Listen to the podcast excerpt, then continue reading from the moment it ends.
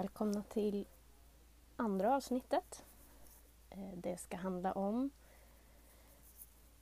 när man inte kan se det själv. Alltså om hur det är lättare att se hur någon mår utifrån. Eh, och det kan ju också vara något som eh, hindrar en från att känna sig fri i livet. På vilket sätt kommer vi att prata om i podden idag. Men eh, först ska vi lyssna på hur barn tänker om frihet.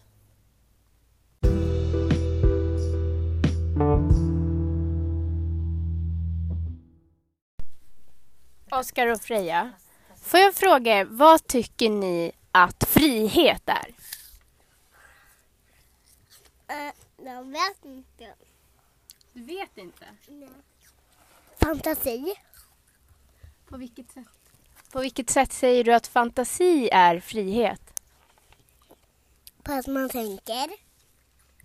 Okej. Vad, vad, vad innebär det att man tänker? På saker. Är det något man vill göra eller något man vill se? Något man vill se. Okej, och det är frihet. Mm. När, när känner du att du har frihet? Jag vet inte. Vad tycker du Oskar, vad är frihet? Uh, Vatten. Mörten. Mörten är... Okej, på, varför är mörten frihet? För vi äter här. Vi äter den. Ja. Så, ja, vi sitter här inne och äter. Känner du frihet nu? Måste säga något. Ja.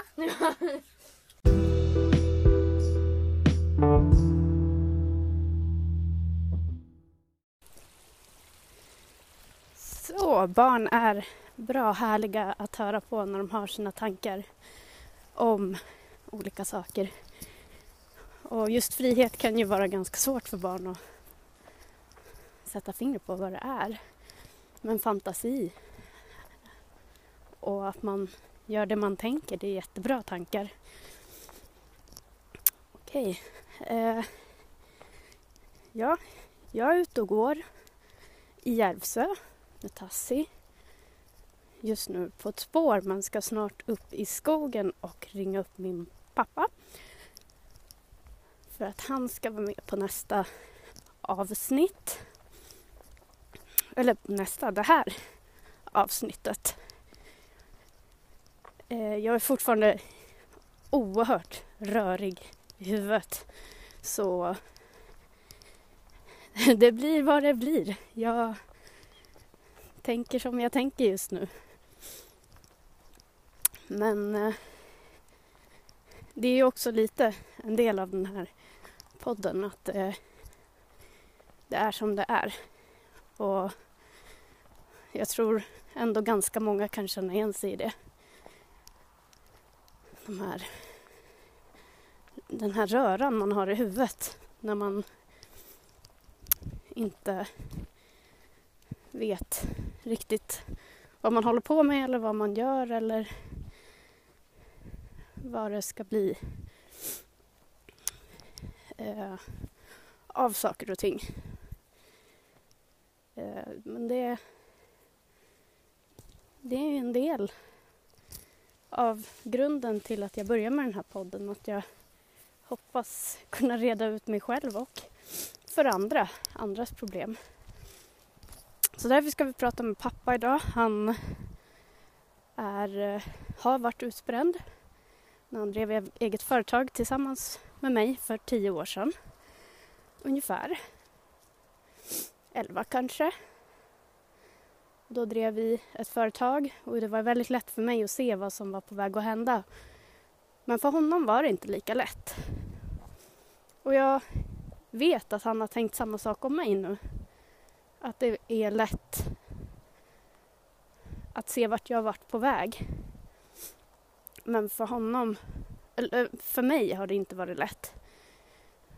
Alls. Så det är precis motsatt situation just nu som det var då. Att jag såg, jag såg helt enkelt vad som var på väg att hända honom. Och eh, ja, det är väldigt mycket lättare när man står utanför. Men eh, när man blir ifrågasatt vad man håller på med eller varför så blir man oerhört eh, stött på något sätt. Man känner, vad fan, förstår inte folk? Förstår inte folk? Bara så känner man. Eller man, ja, man känner helt enkelt att folk inte vet vad det är man håller på med. Men ja, i grund och botten kanske det är man själv som inte vet vad man håller på med. Och det här hindrar ju alla tankar om att känna sig fri i livet. Jag är ju till exempel i Järvsö just nu. Vi har varit här under semestern ganska mycket och även efter. Just under semestern mådde jag ganska bra och kände mig väldigt nöjd med att vara här och mycket frihetskänsla. Den här gången har jag inte alls kunnat känna så. Det... Nej det är ju väldigt vackert här och man ser mycket fint. Men det räcker inte.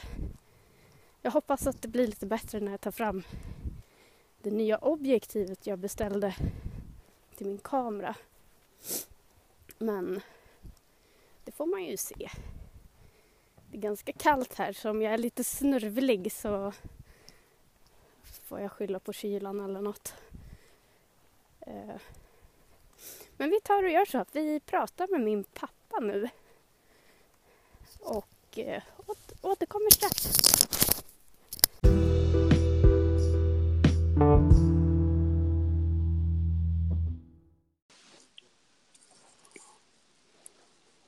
Ja, hej. Hej. Nu har vi alltså pappa Leif med oss i podden här. Eh, hur mår du? Ja, just nu mår jag ganska bra faktiskt. Ja, det gör jag. Okej. Okay. Ja. Vad gör du just nu i talandets stund? Jag sitter faktiskt och jobbar och håller på att städa lite hemma också samtidigt. En lördag, ja. Ja, så är livet. Okej. Okay. Själv har jag satt mig på en stubbe med utsikt över badkärnan i Järvsö här. Det lät Ta sig, ju... Eh, stå bredvid mig och tugga på en pinne. Det låter att städa och jobba. Men eh, nej då, jag ska iväg här så småningom till, till min häst så att jag får min beskärda del också. Ja. Mm. Jag tänkte lite att vi skulle prata om den här tiden när du och jag företag. Du var ju liksom huvudansvarig i det här. Eh, berätta mm. om hur du upplevde den tiden när du tittar tillbaka nu.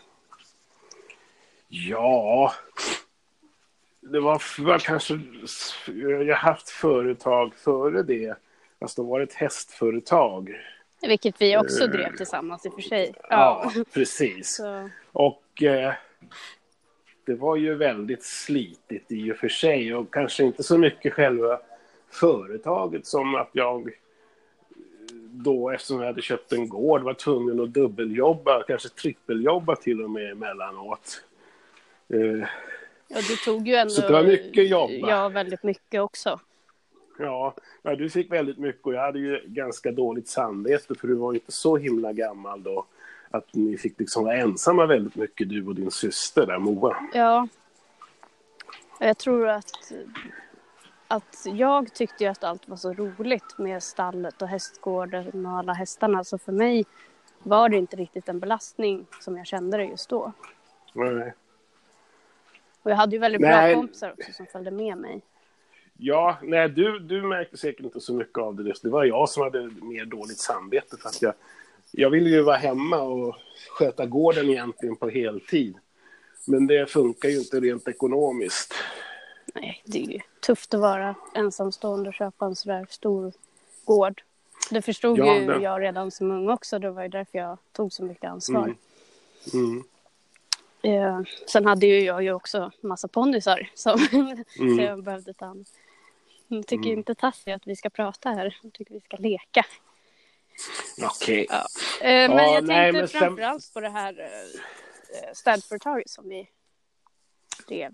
Ja, det, det var ju så stelt för det växte ju också fram på sätt och vis efter att jag sålde gården. För att när jag väl sålde gården så var det ju en viss lättnad ändå. Då kunde jag ju koncentrera mig på att jobba som en vanlig människa. Men ekonomin var dålig så jag försökte hitta någon lösning där för att få det bättre. För vi hade ju hästarna kvar. Och då kom jag ju på den där idén just i samband med att de här rutavdragen kom. och Att jag en gång i tiden hade putsat fönster när jag pluggade. Så att jag tänkte jag börja putsa fönster.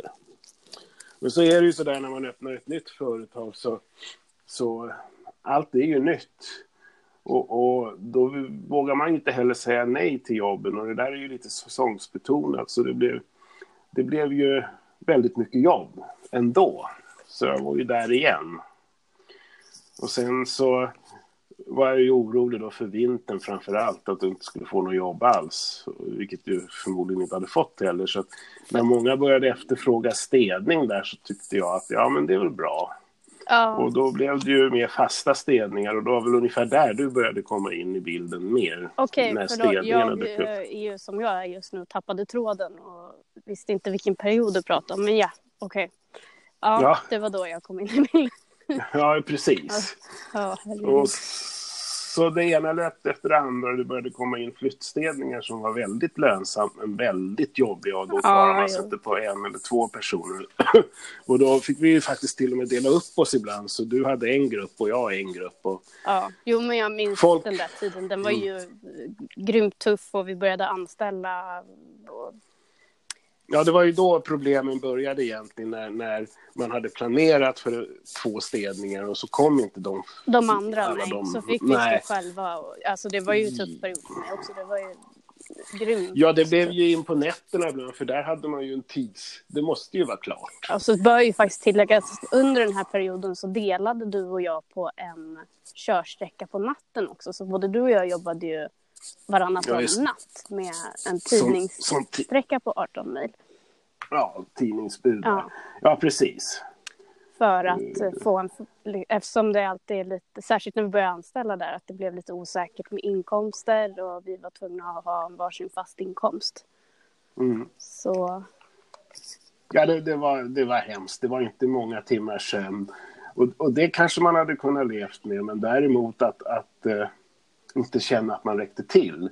Och, och att man fick lägga bort, som man tyckte då, en massa tid på, på onödiga saker. Att folk inte kom och, och jaga folk. Och, så fick man samtidigt skäll av folk för att man inte ringde dem när man hade städjobb. Men de kom ju inte. Eller kom ju inte, fick man ju säga. Äh, det var jobbigt. Det var fruktansvärt jobbigt. ja, jo, det, det, var, det var en tuff Ja, du vet. period för oss. Ja, ja.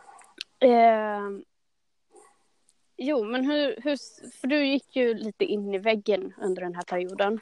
Hur såg du på tiden strax före det?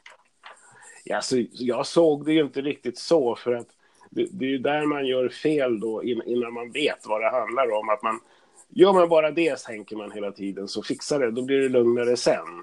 Men det blev ju aldrig så. Det blev ju bara mer och mer och mer och mer hela tiden. Och även om jag var väldigt involverad i det här, för jag var ju en del, hade ju ett stort ansvar i företaget också, så var det ju lättare för mig att se vad som höll på att hända för dig. Ja, det var, ju, det var ju du som började påpeka att jag var på så dåligt humör hela tiden. Det, jag tänkte inte på det själv, utan det var ju bara liksom en del i arbetet att, att nej, men det här fixar jag. Och, och, och så blev jag sur när du liksom... Ja, det, Protestera. det bör ju då tilläggas att, eh, att du är inte en sur person annars. Nej, Så det är är väldigt ovanligt att du är sur hela tiden. ja, det, jag är lite dum optimist. Ja, det har Ja. jag också fått en släng av. ja, ja, precis. Ja. Nej, och tidsoptimist och så tror man alltid att allt ska fixa sig och så blir man jättesur när de påstår att så är det inte alls. Då var det faktiskt som man nästan ville be den personen få åt helvete. Det tror jag faktiskt att du gjorde ett par gånger till mig också. Ja, Eh, vilket också är väldigt ovanligt med tanke på hur nära vi ändå jobbar varandra egentligen hela livet med våra hästar och gården och allting. Mm. Mm, Så har ju mm. vi aldrig varit så osams. Nej. Nu går det två vandrare här framme så Tassi kanske blir lite sur och skriker snart. Vi får se. Ja. Nej, men, men, men det var ju hela tiden att man i tankemässigt så låg man kanske rätt långt fram i tiden och såg, såg, såg lösningar på saker och ting. Men det var ju så att det, det, de följer inte in, i varje fall inte tidsmässigt när de borde göra det. Och, och det var fruktansvärt stressigt. Mm. Det var det. Eh, och när man liksom inte kunde påverka situationen själv. Och samtidigt så stod man med kunder som blev förbannade och sura och skällde på en. Och... Det var ju ofta så, minns ju jag, att det var ju, i och med att det var flyttstäd vi hade mest, så var det ju ganska Mm. tidspressat. Och det var oftast ganska Det- intensivt runt månadsskiftena i och med att det var då folk ofta flyttade. Ja, Så och det var därför man tog åt sig kanske lite mer än vad man borde. Eh, man skulle åtminstone haft en personal i sådana fall som man kunde lita på. eh, men så var det inte. nej. Ja, men du märkte ju inte själv att du var på väg in i väggen, eller hur? Nej, det Nej. gjorde jag inte. Och det som, som hände var ju att helt plötsligt så, ja, ja, vi delade ju lite på oss. Du drog ju iväg med ditt företag för du fick ju en av våra kunder som ju blev en halvtid till dig och då, kör, då separerade vi ju på företagen. Du hade ett eget företag och jag ett företag. Och så försvann, för, delade vi på oss Mm. där. Och eh, ja, nu var det jag som tappade tråden. Jag också. Um, vid Ja, det, eh, eh, du, du märkte inte att du var på väg in i väggen. Det var nog det vi pratade om. Ja, precis. Och så slutade det ju helt enkelt med att till sist så, så eh, kunde jag inte göra någonting. Alltså det var hjärnan stängde av. Eh, jag klarade inte ens av att, att bokföra och göra enk, jätteenkla saker. På.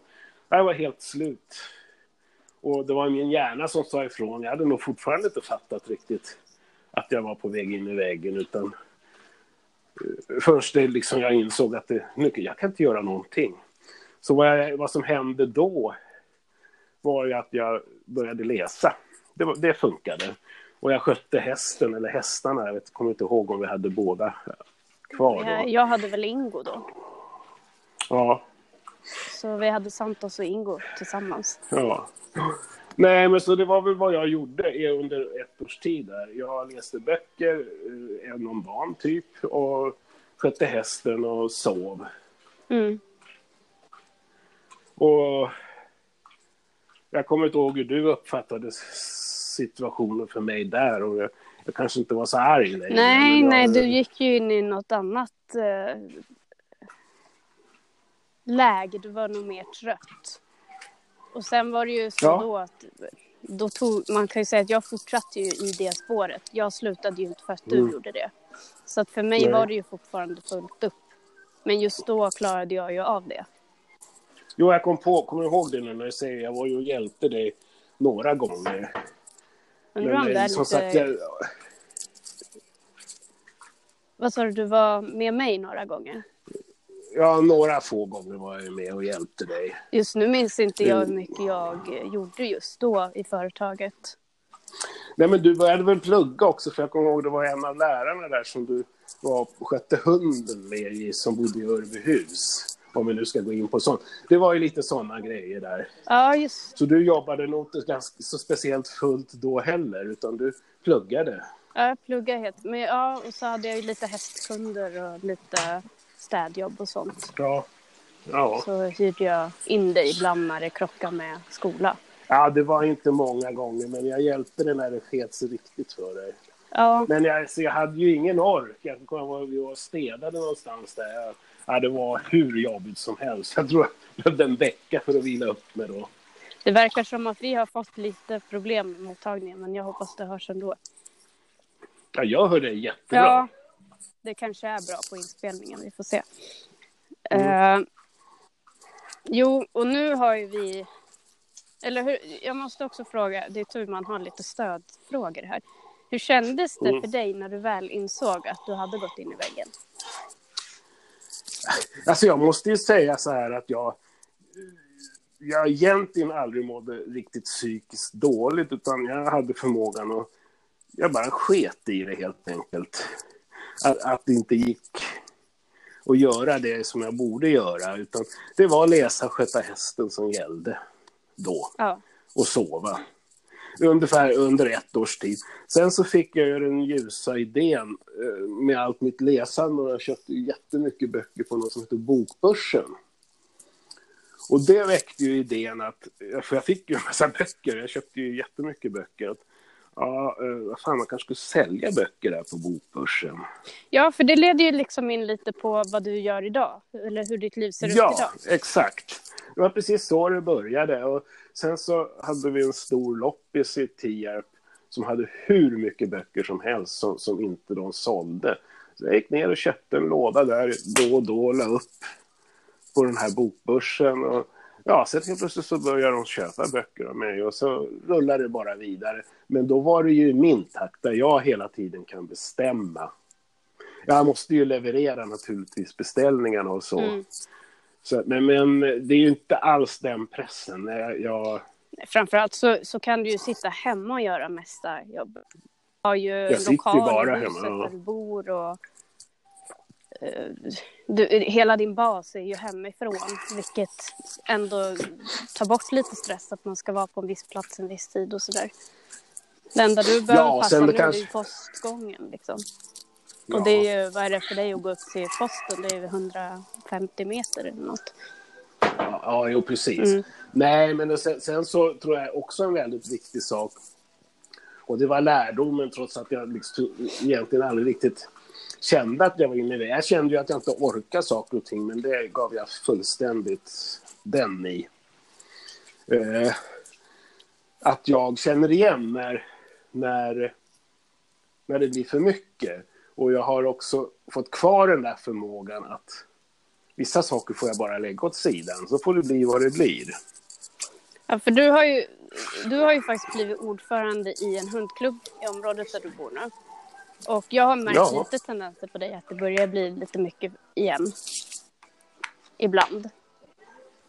Ja, men, men eh, jo, precis. Och, och, men jag har fortfarande lärt mig att sortera undan saker och ting.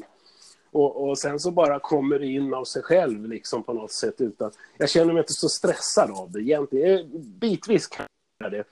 Då blir jag ju mer förbannad och tänker att nu ska jag lägga av. Det här är inte värt att hålla på med. Men eh, det där går ju lite upp och ner. Så att, men naturligtvis känner jag att det blir så mycket att det påverkar mig så pass mycket. Då får jag ju lov att lägga av. Ja. Och det är, ju, det är ju inte hela världen.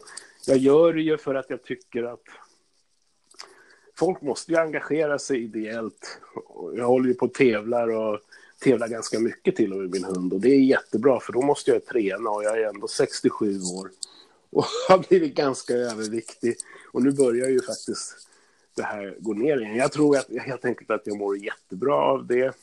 Mm. Alltså just att hålla på och tävla och, och, och, ha någonting som gör att jag måste hålla igång.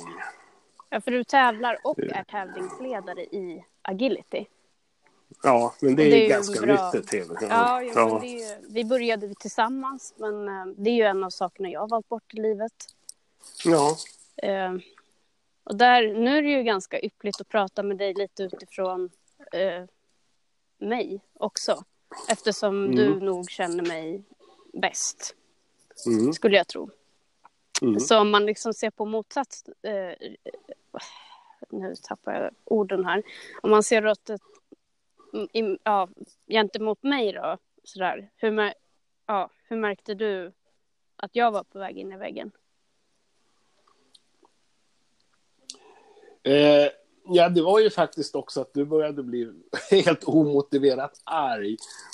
Det, det fanns kanske inte ens en anledning till att bli arg, för du hörde inte riktigt vad jag sa. Och det där kan jag ju känna igen från dig, eh, när jag blev arg jag var så mycket framåt i tankarna så att jag trodde du svarade på någonting som låg några veckor framåt fast det var egentligen bara en enkel fråga så blev jag tvärarg. Och lite så kände jag att det var på dig. Ja, Jo, jag vet nog inte heller varför jag Och- och- var arg. Men det gick ju framför allt skulle jag säga ut över dig eftersom jag kanske känner mig trygg med dig då. Mm. Och, och jag vet ju att vi blir ju inte osams. Du slutar inte prata med mig bara för att du blev för tvärförbannad på mig och mer eller mindre slängde luren i örat. Eller ja, det gjorde du väl aldrig. Men, men, men då vet jag ju att så var det ju för mig också. Att jag, eh, jag, jag var inte riktigt medveten om varför jag blev arg. Och sen när jag kanske förstod vad det egentligen var du frågade så Ja, ja, då släppte det där ju. Det, det är bara, man orkar inte ta in mer, tror jag det handlar om. Det är som jag sa när, när jag försökte bokföra när det var som värst, när jag la ner allting. Det var att alltså hjärnan stänger av på något sätt. Ja, ja jag vet precis vad du Den, menar. den, den tar, tar inte emot mer information. Här, tjot, klos, lapp på luckan. Men sen där, man, man blir ju inte arg på andra människor. Jag tror, nu när du säger så här att, att jag var arg så tror inte jag att någon annan har märkt av det.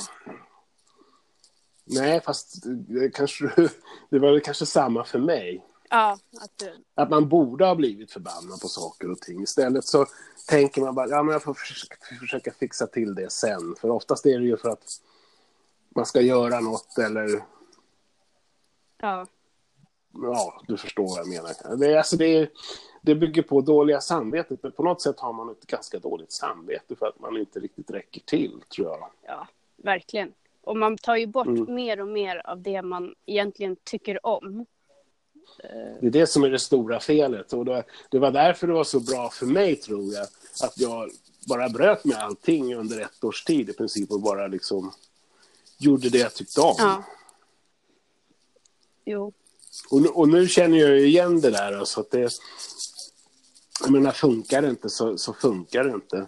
Eh, och att jag då har tagit på mig att vara ordförande och tävlingsledare och det här är ju att eh, att någon måste ju göra det, annars så kommer ju allting att dö ut. Ja. Ja. Där kommer vi lite in på eh, det som jag pratade om i början på avsnittet. Det har ju inte du hört ännu. Eh, just det här Nej. hur tankarna kan stoppa en från frihet. Och så att man får för sig att man måste göra det här på ett visst sätt. Andra ser att man inte måste det. Mm. Eh, och det stoppar en från att känna sig fri. Mm. Och så har det ju varit för mig också. Jag har ju trott att jag måste göra det här som jag gör. För att det finns ingen annan lösning. Det är så här det ska, det är så jag måste göra. Jag är liksom helt blockerad från andra lösningar och fri, tankar om att vara fri. Ja, fast det var inte riktigt så jag menade med, med det här med, med att någon... Alltså, nå- det, driver man någonting ideellt så måste ju det vara fler som gör det för att det, det ska kunna bli någonting. Ja, absolut. Nu, nu vet du att du, du tänkte på att jag var väldigt stressad där kring, kring den där tävlingen som vi hade.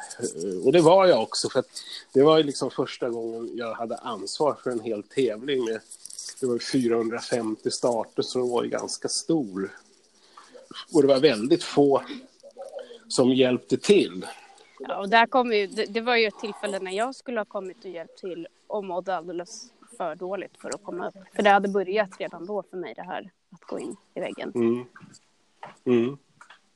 Nej, men det sa jag ju att inte du skulle göra då jag insåg att du måste göra annat. Du kan inte hålla engagera dig i det här. Nej, bara för att jag är tävlingsledare och huvudansvarig. Nu kan jag ju säga att allting blev ju jättebra.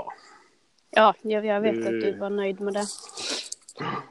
Eh, Och det var väl mer oron för att jag faktiskt fick lösa väldigt mycket själv av någonting som om man, om man inte har gjort det förut kan, kan se väldigt avancerat ut. Jo, men allt är ju det- svårt det- första gången man gör det. Sen får man lite bättre Ja. rutin på det. Ja, ja. Eh, men vi har ju lite båda de där tendenserna att eh, om man har ett intresse så går man all in för det och det blir... Eh, ja, man, man gör ingenting halvhjärtat Nej. någonsin. Utan det... Eh, det har vi ganska mycket tendenser till. Eh, Mm. Jag ser att vi har pratat ganska länge här. Så jag tänkte avsluta med att fråga dig vad som får dig att känna frihet i livet.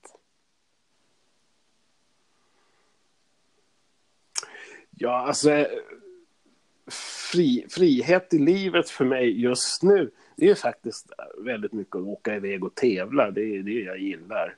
Och, och vi har ju gått upp i klasserna så att tävlingarna, det blir ju lite längre tävlingar och lite längre att åka och det, jag gillar det. Jag gillar det stenskarpt. Åka runt. Mm. Ja, Du skulle också ha en husbil.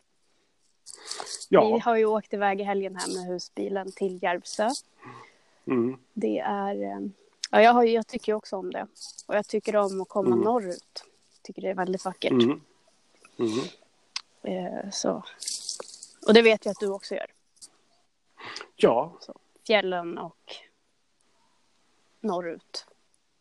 Jag har ju faktiskt tillsammans med mina bröder en stuga utanför Mora som man kanske skulle börja lägga ner lite energi på. Jag tror, tror att vi alla tre har tyckt att det varit, varit väldigt krångligt för att det, den har ju stått på, på mina föräldrar eller på våra föräldrar och då har det varit ja, lite klurigt. Vad, hur, vad, hur ska det här gå vidare och hela den här biten. Men jag tror att det börjar klarna nu när, när eh, den har skrivits över på oss. Så vi tre är delägare i det nu. Ja.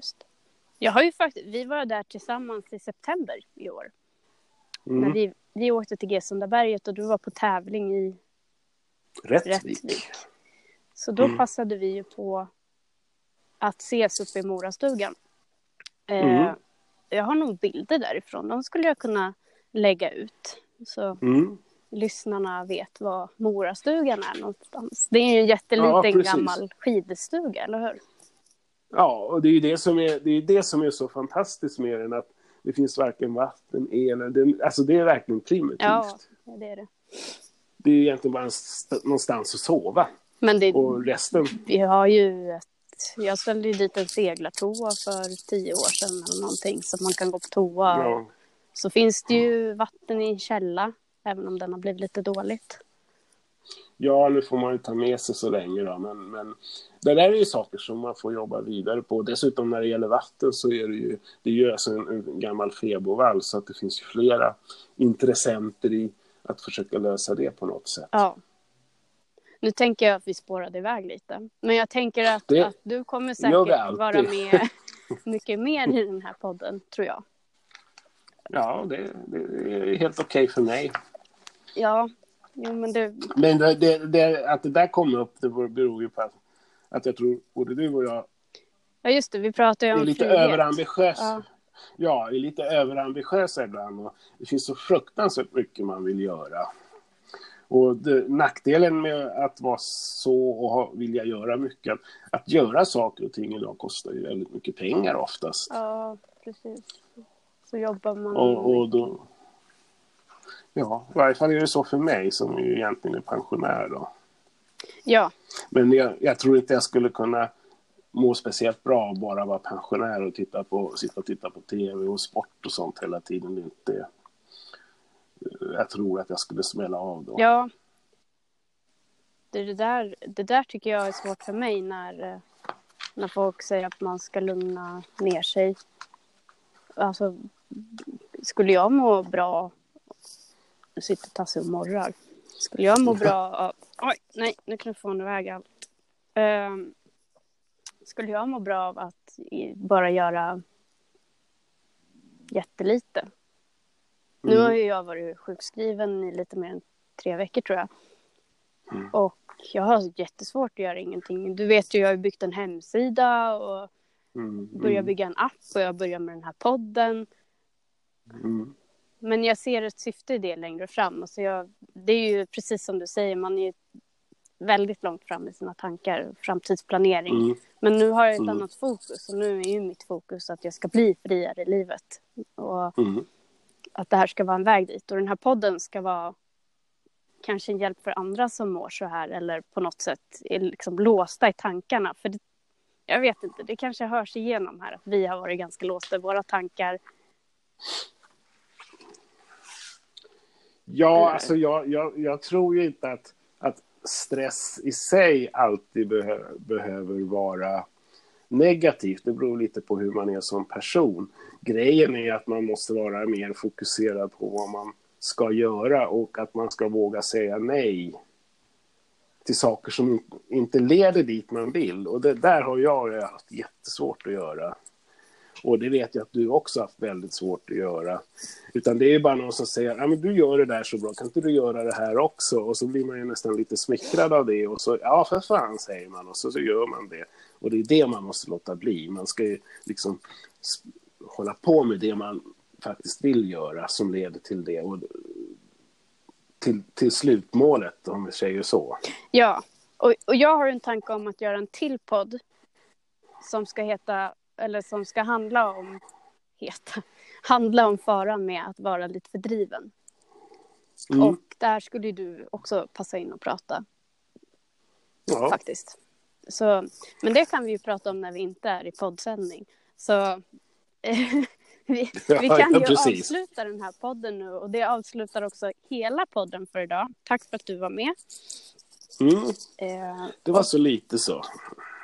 Ja, ja. försök ta det lugnt. Ja. Jag ska försöka. Bra, okej. Okay. bra. Hej, hej. Mm. Hej då. Och eh, tacka för den här podden för idag också. Och återkommer om en vecka igen med ett nytt avsnitt. Hej då!